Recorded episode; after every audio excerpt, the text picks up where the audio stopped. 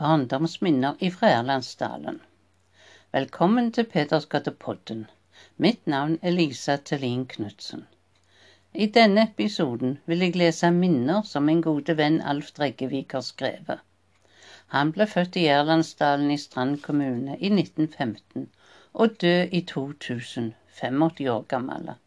Alf skrev ned minnene i 1996, i en alder av 81 år. Den første skoledagen. Vi hadde lang skolevei, tre kilometer ifra Erlandsdalen til Kvalvåg skolehus. Det var kronglete og mye vanskelig å gå, særlig vintersdag i snø og grapsevær. Vanskelig var det i den tida da skolebarn brukte å gå med trissko, og da når snøen var blaut, var det vondt òg å komme fram. Jeg husker at da en var seint ute, kunne en ta av triskoene, én i hver hånd, og dure i vei ned Stiabakken, forbi Halvard Kvalvåg sin bostad. Ofte sto han ute om hushjørnet og preia meg, og lo på sin måte, ho-ho-ho, han var koselig, han Halvard. Min søster Sigrid, som jeg først nå nevner, var nå, kan jeg tenke meg, allerede nådd fram til skolestova. Men det var første skoledagen min som skulle berettes om i første omgang. Jeg begynte på skolen da jeg var åtte år gammel. Det så ut til at mine foreldre hadde god bruk for meg hjemme, og blant annet for å se til mine mindre brødre. Jeg har hatt flere lærere i min skoletid. På min første skoledag kan jeg huske at læreren bodde i Idsal og jeg minnes at jeg snakka noe upassende i timen. Hun gamle Rakkel gikk forbi og tofla på trisko. Hun Rakkel var søster til Halvard, og nå var hun på vei til sletta. Det var da jeg ropte ut om Hva er det som kommer der? Og da ble det fnising med de andre i skolestova. Det var så vanskelig å holde seg og sitte rolig at det var til at hvis en så noe utenfor skolestova, så måtte en liksom spørre eller anmerke noe. En var ikke vant med å vite hvordan det skulle være ennå. Så skulle vi ha et kvarter fri, så nå blir det å slå ball eller jeppe. Andre holdt på med hinkespill. Vi var visstnok tolv unger i alt. Jeg var feien da dagen var over, og vi skulle hjem igjen. Og det var mye å fortelle da. Første gang til byen. Og så var det den første gangen jeg skulle være med til byen. Jeg var tolv år. Jeg hadde ikke vært i byen før, og nå var dette spennende. Han far og farbror hadde kjøpt en båt sammen, og denne båten skulle vi reise til Stavanger med.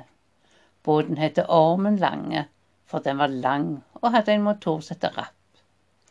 Vi hadde en lang vei til sjøen ved Kvalvåg. Og kom vi ned til motorbåten, så traff vi Jonas. Han var og så til skjøtta si. Det var begynt å blåse kraftig.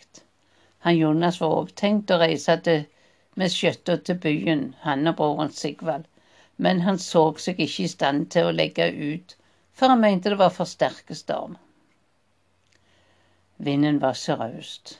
Han farbror hadde allerede satt på fyrelampen på motoren, og etter ei tid var maskinen i gang.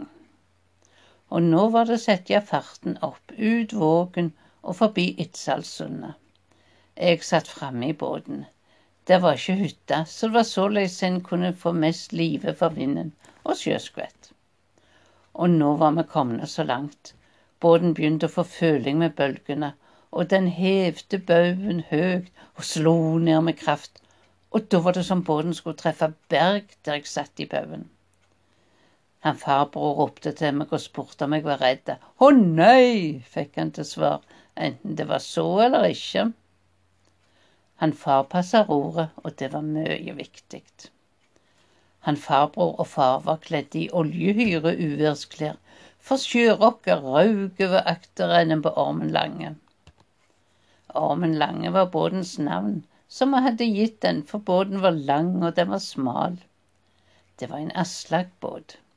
Bestefarens Alfred og Martin i Vigo hadde bygd den. Han Aslak var en god båtbygger. Nå hadde vi kursen for Fiskevik på vestsida av Itsø, og nå var det god oversikt over Høgsfjorden. Bølgetoppene var store, og sjørokket sto til værs over fjorden.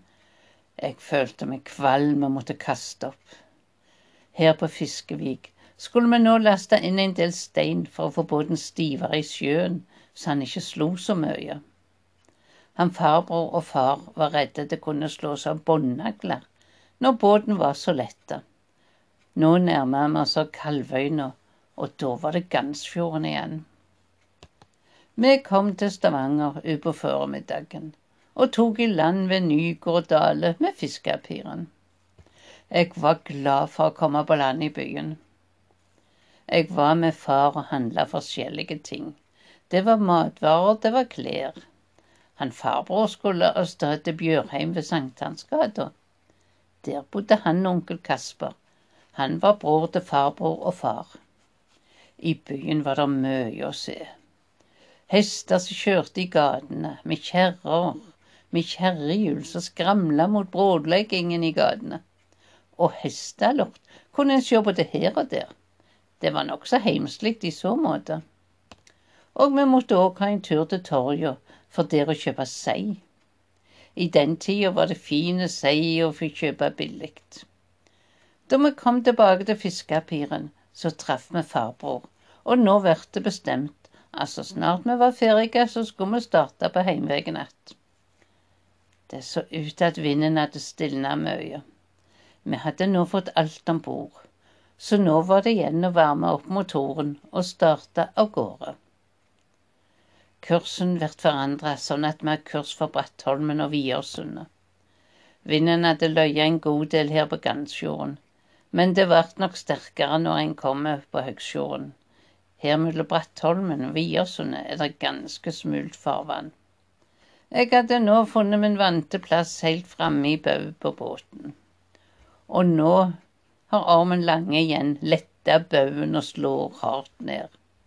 Vi holdt på å runde Vianeset, og her står hele Høgsfjorden på, og nå har vi kurs for Breivik. Kom vi til Breivik, var det å legge godt opp mot Hamarøyfjellet, og for derifra å sette kurs mot Iddsalsundet. Og nå blir det en sjøskvett og sjøråk med stormen og sjøråket på styrbord side. Båten hadde en annen sjøgang. Den liksom rulla og vrei seg framover. Det kom av at vi hadde vinden ifra sida. Det var en lettelse da vi kom så langt at vi så neset og kaien på Kvalvåg, og kunne legge til båten og komme oss hjem. Jonas og Sigvald snakka med oss. De var forvitne på hvordan det hadde gått. Han farbror og han far sa at det hadde gått bra. Jeg var av en annen mening og sa at det var så vidt vi greide det. Og nå var det å komme seg hjem, for det var mye å fortelle om byreisa til de som hjemme var. Takk for at du hørte på Petersgatepodden. Disse minnene ble sendt inn til Landslaget for historie, minneoppgave foreldre i 1996. Alf bodde hele sitt liv i Erlandsdalen og hadde lite småbruk. Han likte seg best i skogen, og når han arbeidet med muring av stein og veibygging. På hjemmesida til Strand historielag kan du lese mer om Alf, Histor Alf Dreggevik. Se strandhistorie.no.